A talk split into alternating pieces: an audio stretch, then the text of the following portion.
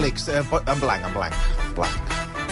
Necessitem tranquil·litat perquè estem No, jo no- desfundats. jo- jo no puc. És que ha sigut una hora d'unes emocions. Home, no. Una muntanya russa. Ara unes discussions aquí a micròfon tancat, que sí que ha sortit, que no ha sortit... Bueno, Ens haurem de reescoltar, perquè, a veure... no ha sortit. No, Marc, perquè... no ha sortit. ho hem de reescoltar per No si de sortit, cas. no ha sortit. Perquè podria ser que en un moment d'aquests, d'eufòria que hem tingut, o de crits, de, de, de, de, de No, converses si no, creuades... no hem cridat. No hem cridat. No. Home, que no hem cridat. Hem cridat. silenci. Hi ha hagut converses creuades. Hi havia un guirigall a l'estudi tremendo. I és possible que en una d'aquestes, com que el senyor Boigas ha agafat la directa, perquè hi ha hagut un moment que només que feies treure números, però com, Sí. un, com un boig, que nosaltres li dèiem, però freni, i Freni. vinga, vinga. I el 20, el 30, que no el 10, hagi dit el en una 12. d'aquestes el 20 i el No. 30. Jo vull I el aleshores document, el ens ho haurem de menjar sí, nosaltres sí. amb patates, Sí, però crec que no ha passat, eh? Ja us ho dic ara. No, ja vull el document. Xavier Guix, bona tarda. Molt bona Com tarda. estàs? Bé, Escolta'm, aquí ets la- intentant la... si us calma una miqueta. eh? Sí, sisplau. És que, o sigui, ni fet expressament, és la persona que necessitem Clar, ara. sí, sí, per sí. tenir una miqueta de... psicòleg, sí. Necessiteu Quan- res, calmar una mica. És a dir... Com ho el- arreglem, el, això, el, ara? problema, el problema de quan, és, quan estàs a dintre de la- de l'emoció i de l'eufòria, Mm. no ets conscient del que transmets i el que comuniques. Aleshores, tot està distorsionat.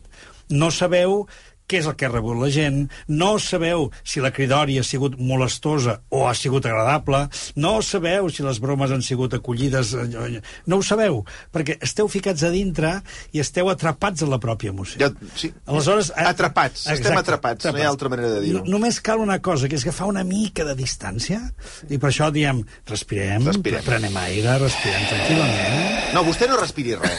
Vostè estiguis quiet i no respiri res. Si pot evitar respirar durant una hora, estarem més He quedat tranquils.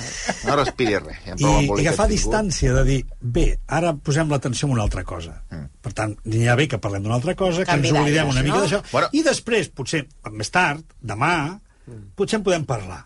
Va, No. va parlem-ne. És que ara el senyor Boigas Però ha demanat... par- parlant calent ha demanat, no va la, bé. ha demanat la prova. O sigui, ara vol Clar, que algú de l'equip s'escolti tota Sí, l'hora sí, de, de sí, quinto ho exigeixo, per sí. veure si s'han... Exigeixo. I, eh, escolta, que hi ha un damni- damnificat, que és el Rocco. Si es demostra que sí, el que ha guanyat és el Rocco, després, eh? I què?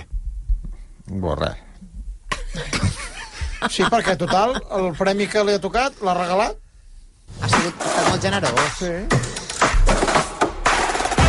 Llegíem que Tamara Falcó i Íñigo Nieva s'han reconciliat tres mesos després de deixar-ho. Això para de tremendo, aquest tema. Por favor. Aquí amb la Laura fa, que què ha passat, que què ha Bueno, deixat de passar. y hablando de la madre que la ha dejado con Mario Vargas Llosa y la hija de golpe va y vuelve. És estranyíssim.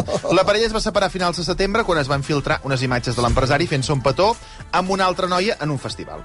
Ara, però, sembla que s'han donat una segona oportunitat i per això, perquè el que ve ara també és un altre gran tema, avui volem parlar eh, de què hi ha de positiu o negatiu de tornar amb un o amb una ex. Caram, això és un temazo, eh? això és ens durarà, un això ens durarà, bon ens durarà tot el programa. I si vol, és eh? veritat això de que segones oportunitats mai són bones. En parlarem amb el psicòleg i escriptor Xavier Guix i també amb vosaltres, perquè acabem d'obrir ja una, una enquesta a través de, la, de Twitter que ja té força participació.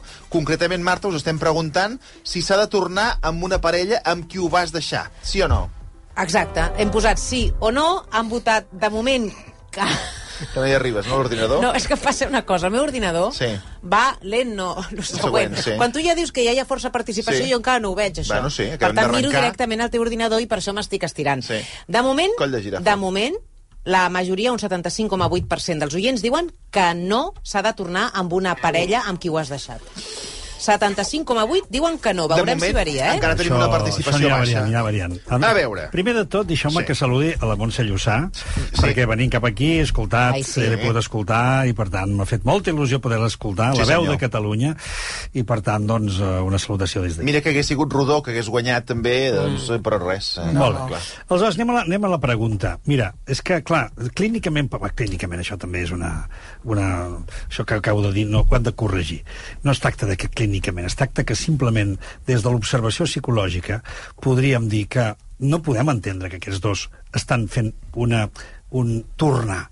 No és tornar amb un ex. Aquests dos han tingut un episodi mm -hmm. en el qual, com li passa a moltíssimes persones, hi ha hagut un desajustament, hi ha hagut una notícia, hi ha hagut una situació que els ha fet que reajustin o que es plantegin si volen continuar o no volen continuar. Té de donar un temps, no? I això moltes persones, o, o algunes parelles, la manera de fer-ho és separant-se o de, deixant-se un temps. Un reset. Un reset. Un reset. Aleshores, doncs, això és el que han fet aquesta parella. Per tant, jo no podria considerar que el que estan fent aquests dos és tornar amb un ex, mm. sinó que encara això no s'ha acabat. Mm. Aquests dos estaven en plena, diguem-ne, celebració doncs, gairebé de les bodes, perquè estaven com ja prometent-se, i de cop i volta una informació distorsiona la realitat, s'ho replantegen, es dediquen un temps i creuen que després de passar un temps de cadascú pensant lo seu, o potser fent-ho conjuntament, i no ho sabem, perquè aquestes coses tampoc les ignorem, potser han decidit reemprendre la relació. Mm -hmm. Per tant, és diferent reemprendre una relació que s'ha trencat en un moment donat per alguna cosa que tornar amb l'ex.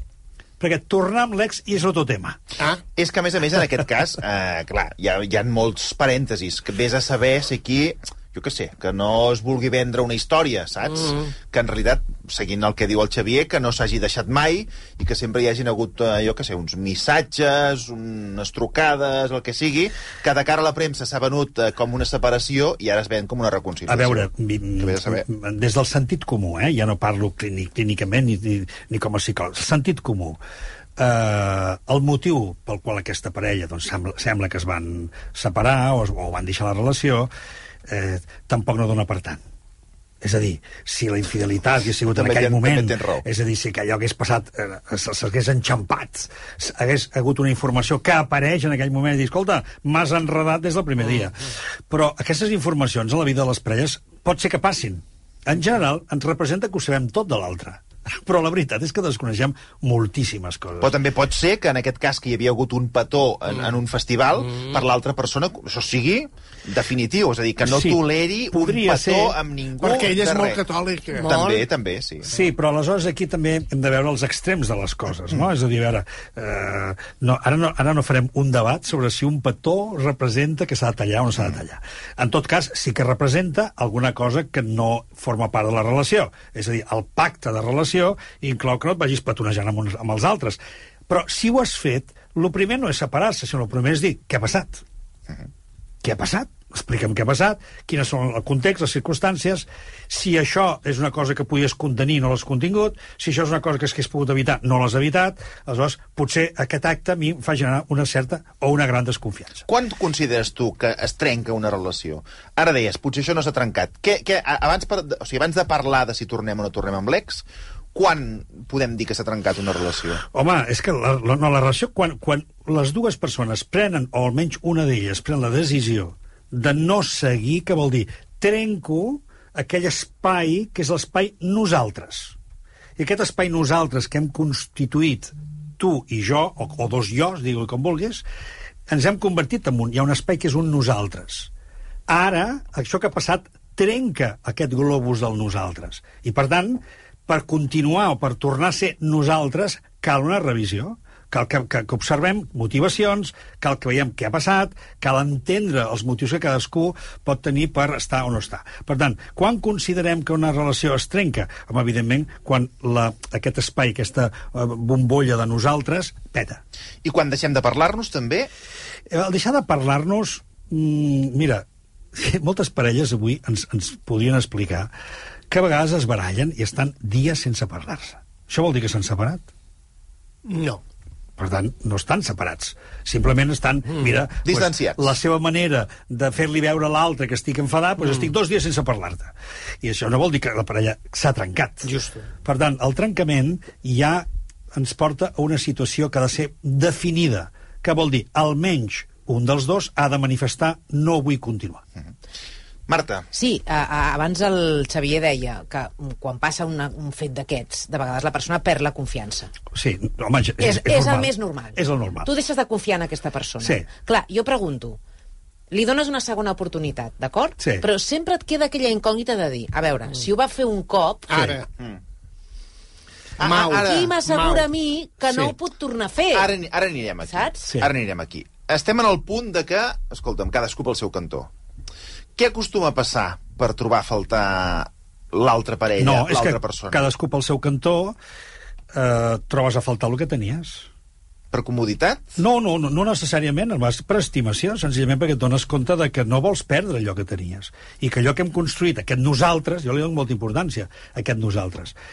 Un pot sortir d'aquí i sentir-se potser durant un temps alliberat, perquè diu, mira, he sortit d'aquest moment... N'he vist molts, eh? I d'aquest moltes, eh? espai que estàvem ara molt, molt atordits, que estàvem ara molt ansiosos, que ens havíem estressat molt. Hi ha com una Sí. mena d'alliberament, però després, quan ha passat aquest primer alliberament de la situació tensa, després ve el, el trobar-se amb la teva pròpia realitat. Això vol dir que potser la persona que es troba alliberada i llavors troba a faltar el seu ex potser necessitava una distància només? Sí, perquè vol dir no vam saber resoldre la tensió o l'ansietat o l'estrès que ens havíem generat. És a dir, el conflicte que teníem no l'hem sabut resoldre. I potser només necessitàvem eh, Un- una, mica de...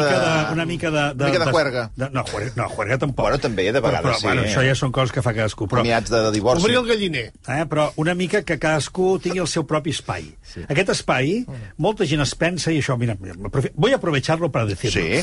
Eh, molta gent es pensa que la solució és, quan hi ha coses d'aquestes, cadascú a casa seva, o 15 dies, o marxa un, un mes.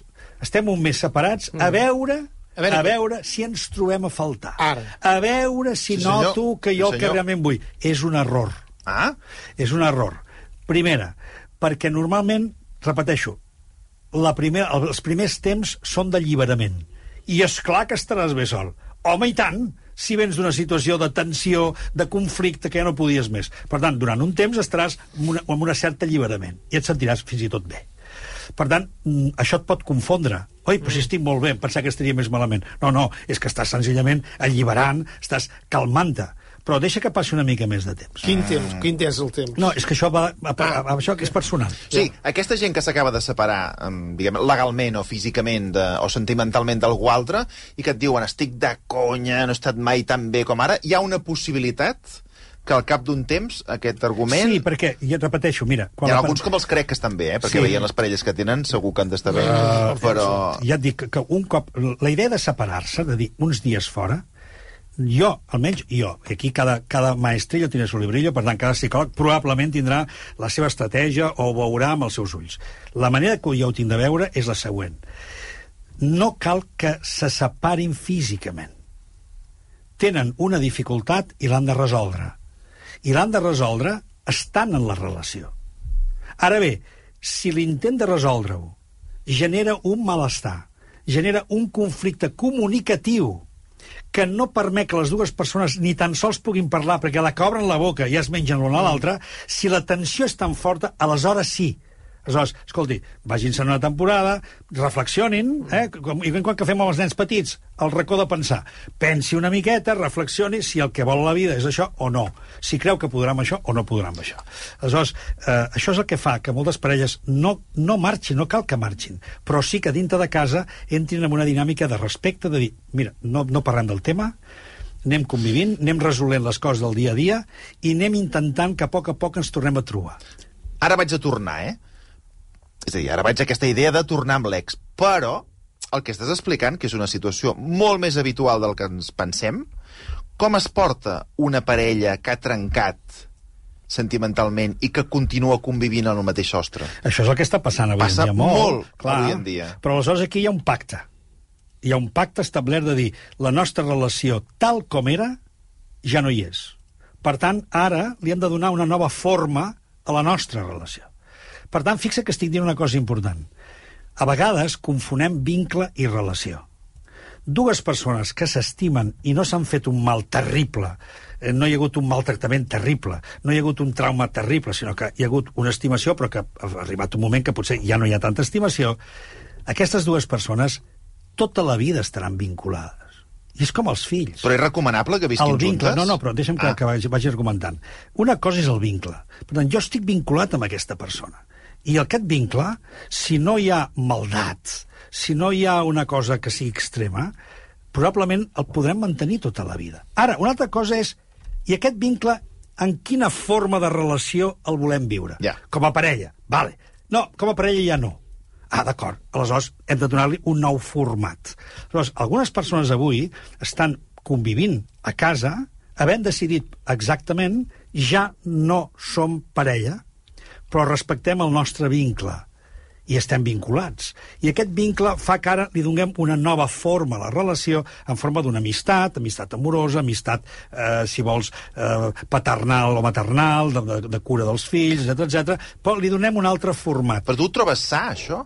Si la parella arriba i els dos estan a la mateixa alçada des del punt de vista de la decisió, que és d'igual a igual, sí però ha de ser d'igual a igual. El problema d'aquestes coses és que n'hi ha un que vol i l'altre no. És a dir, que passem a- de ser companys de pis a... O sigui, de parella a companys de a pis. companys de pis. Però si els dos ho acceptem, si els dos diuen bé, seguim de com a companys de pis. I et diré una cosa, Marc.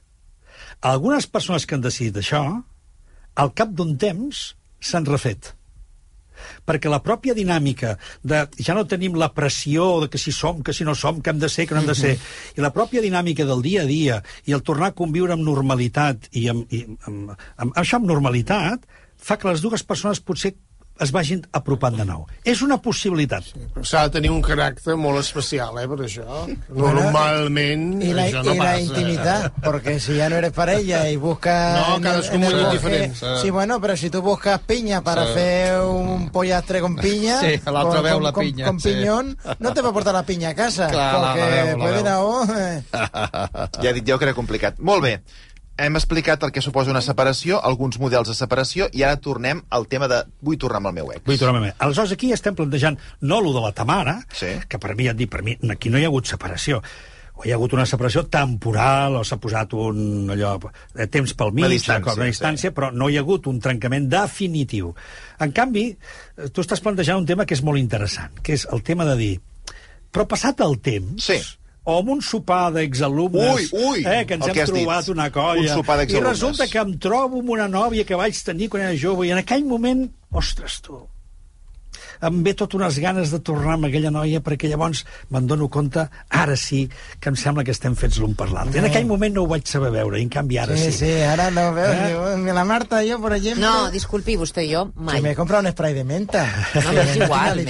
No, no. Aleshores, eh, el tornar amb l'ex és molt delicat. És molt Va, delicat. deixi Ja està. l'esprai, va.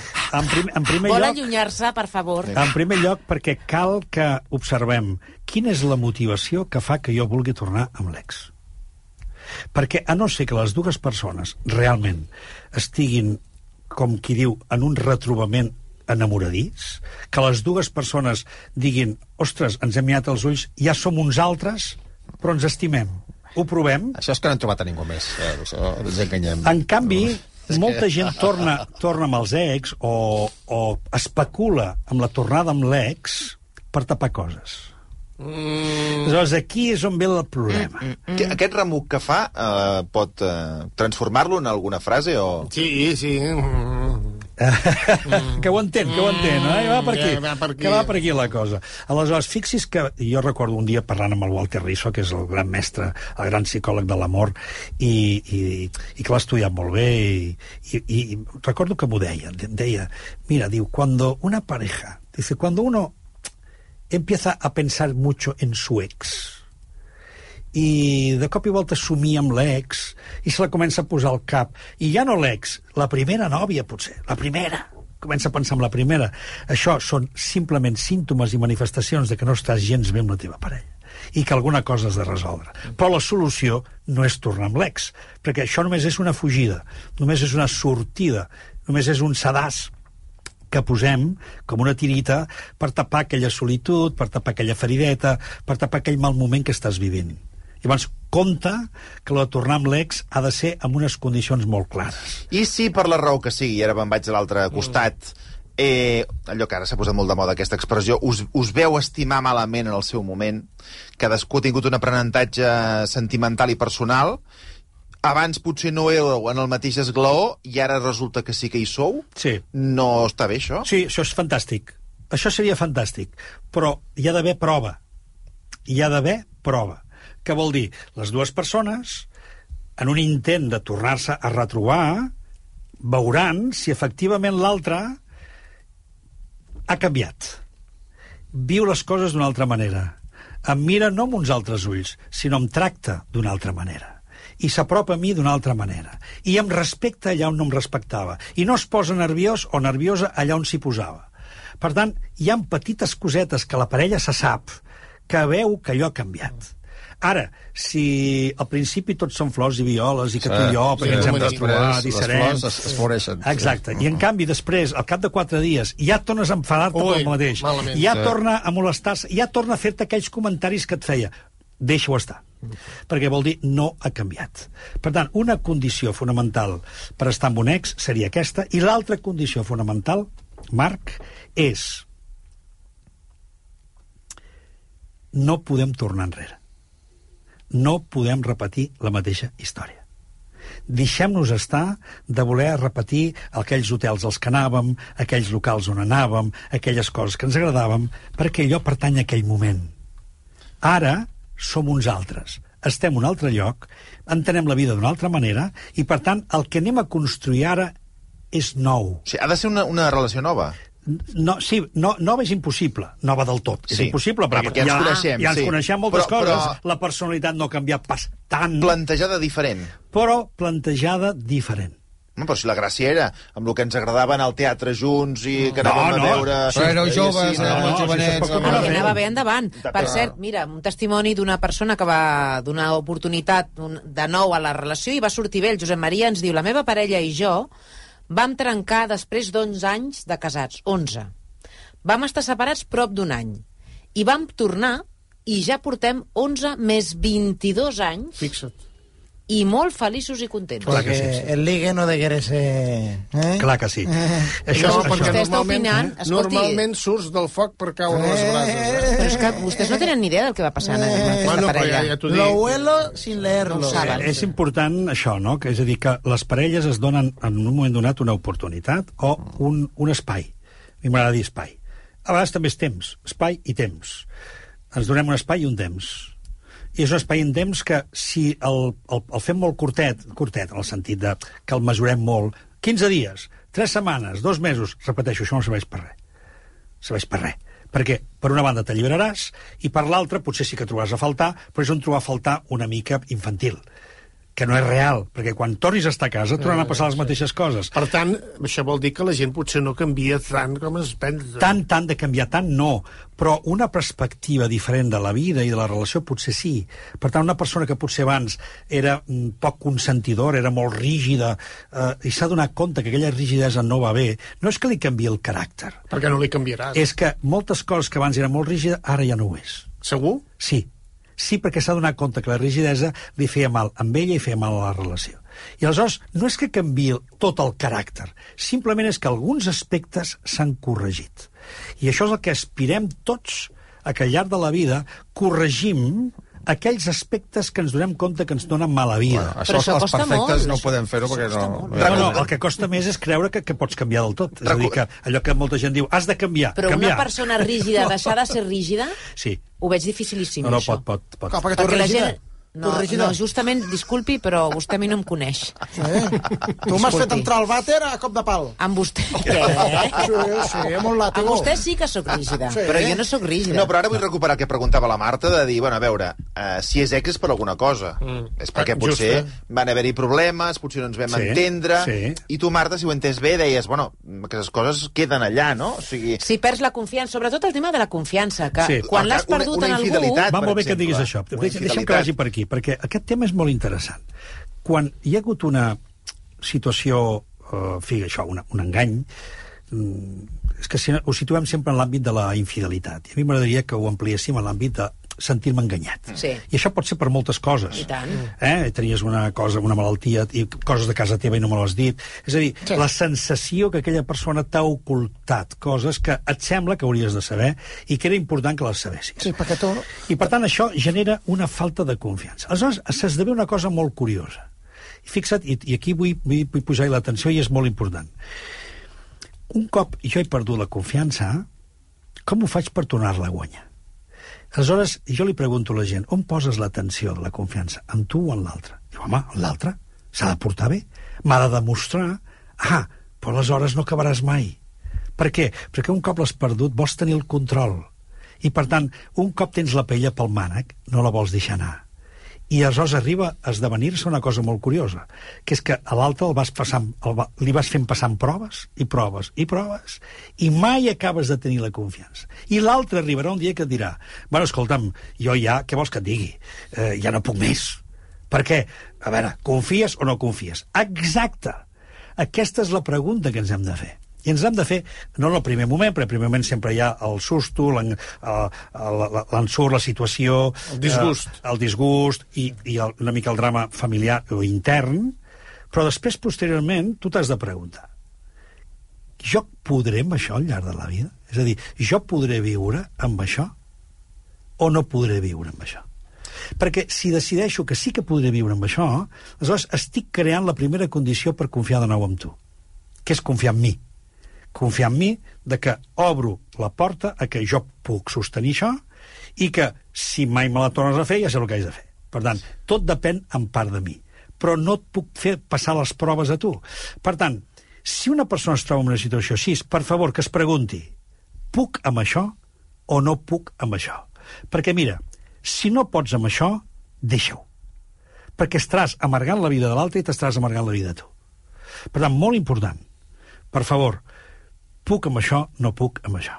I això és una decisió personal que no depèn de l'altre que t'ha fet la traïdoria, que te l'ha fotuda, etc etc. No, no, Però hi depèn de pot, tu. Depèn de tu. Però hi pot haver gent que no sàpiga si realment podrà, no si pot, si podrà amb això. D'acord, no. aleshores aquí és on es dona el marge. Aquests marges que diem d'espai-temps són perquè jo em trobi en mi i vagi valorant si realment puc amb això o no puc amb això.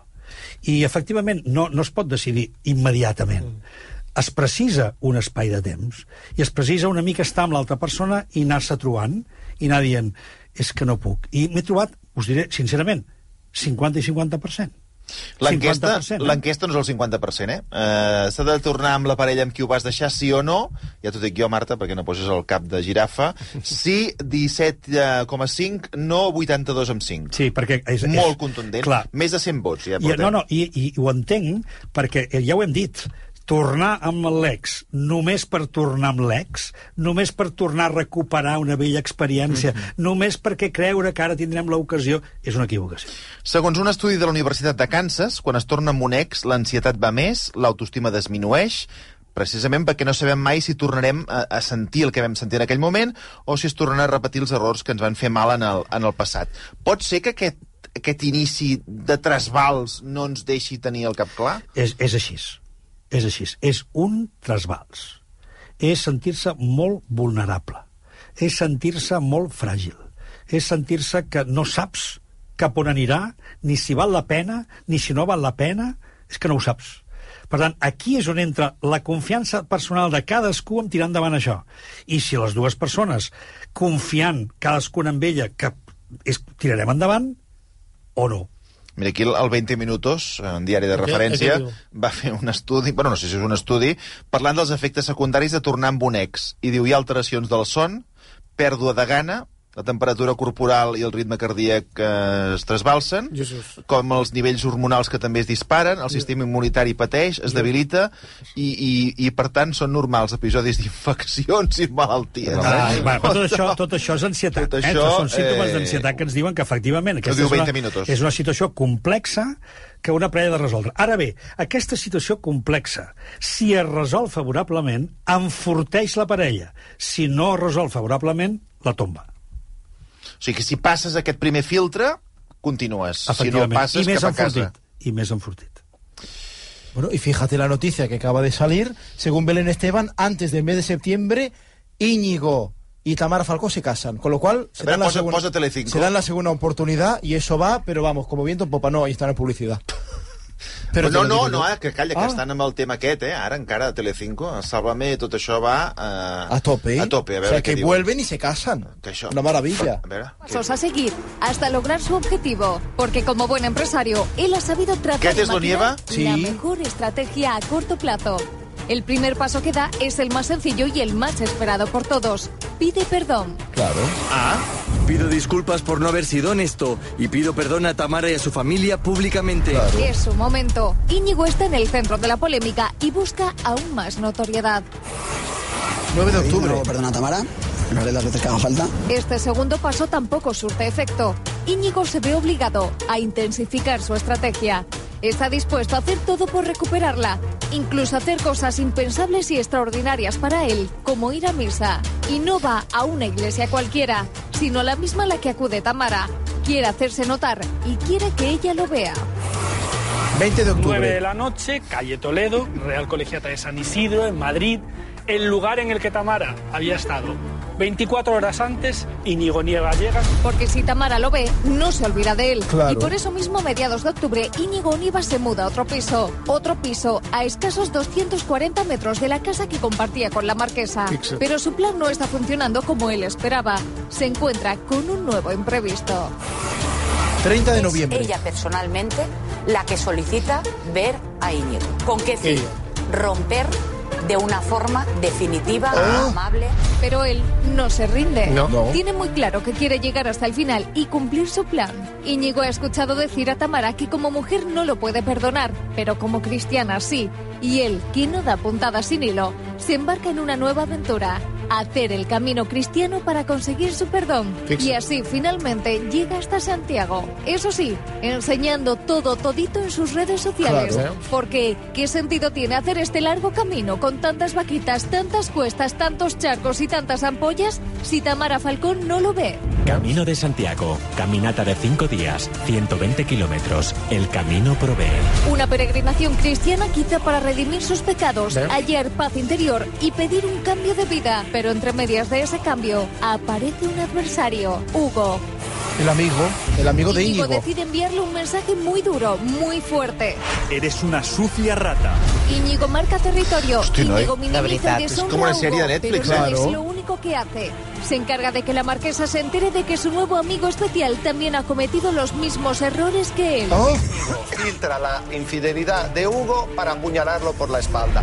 Su estrategia se fortalece, pero aún le falta dar el golpe decisivo. Espera, espera. Y lo hace apelando directamente a las emociones de Tamara. 16 de que noviembre, al de que diciembre. En el momento en el que tuvierais un hijo, Tamara, y tú le vais a poner Hugo. Bueno, que iba a ser el padrino. Iba a ser el padrino. Y le dije que iba a ser el padrino. Su último paso surte efecto. Tamara se vuelve a sentir embaucada ante el proyecto de formar una familia en común.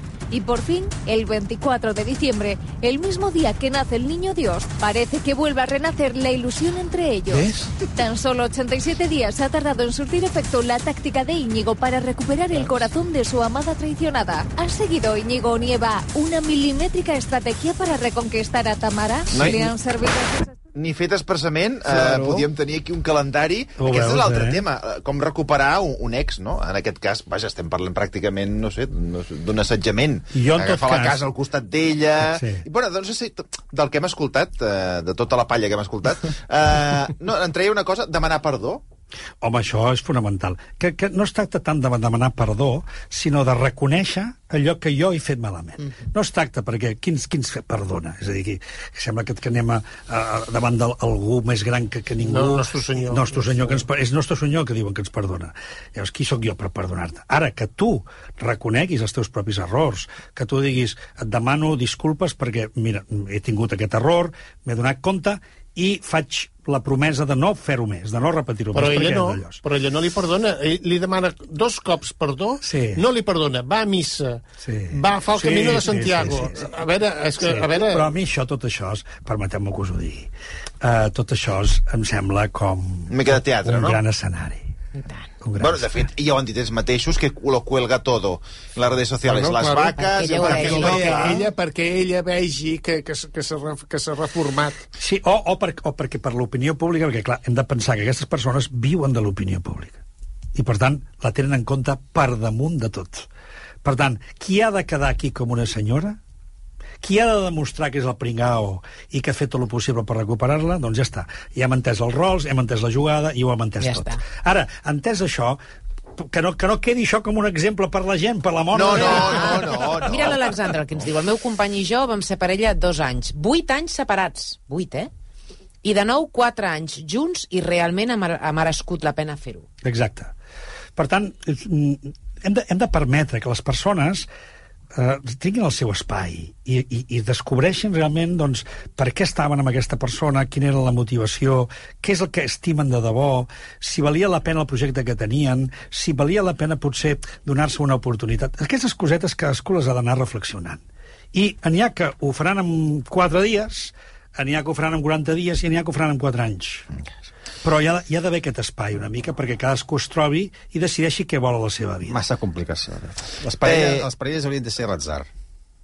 Hi haurien els mateixos problemes i no tant... Saps? Com els números del sí, tu bingo, toques, no? sortim aquest, i per aquest, i, i, i haurien els mateixos èxits i fracassos. Uh, ja ens hem, ens hem escoltat la cinta, eh?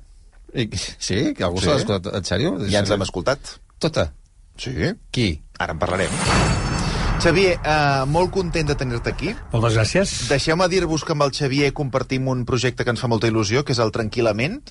En vam fer una primera temporada i d'aquí uns dies us puc anunciar que tindrem la segona temporada del, A punt, a punt. del Tranquil·lament, eh, on tractarem molts temes que ens van quedar al tinter a la primera, i que en aquesta segona temporada del Tranquil·lament amb el Xavier volem que els que ens escolteu i els que seguiu el podcast participeu, i tenim una adreça de correu electrònic que és el ment arroba eh, raco.net ment arroba raco.net on ens podeu enviar les vostres cabòries siguin més o menys importants i nosaltres hi donarem eh, forma en, en format de podcast. Ah, per tant, mateix. molt aviat, Molt ja, us ho, ja us ho Ment direm, arroba raco.net. raco.net. I molt aviat, segona temporada del, del Tranquil·lament en, en format de podcast del raco.cat. Xavier, moltíssimes gràcies. Gràcies, gràcies a vosaltres. Fins una Moltes altra. gràcies. Adéu-siau. Adéu.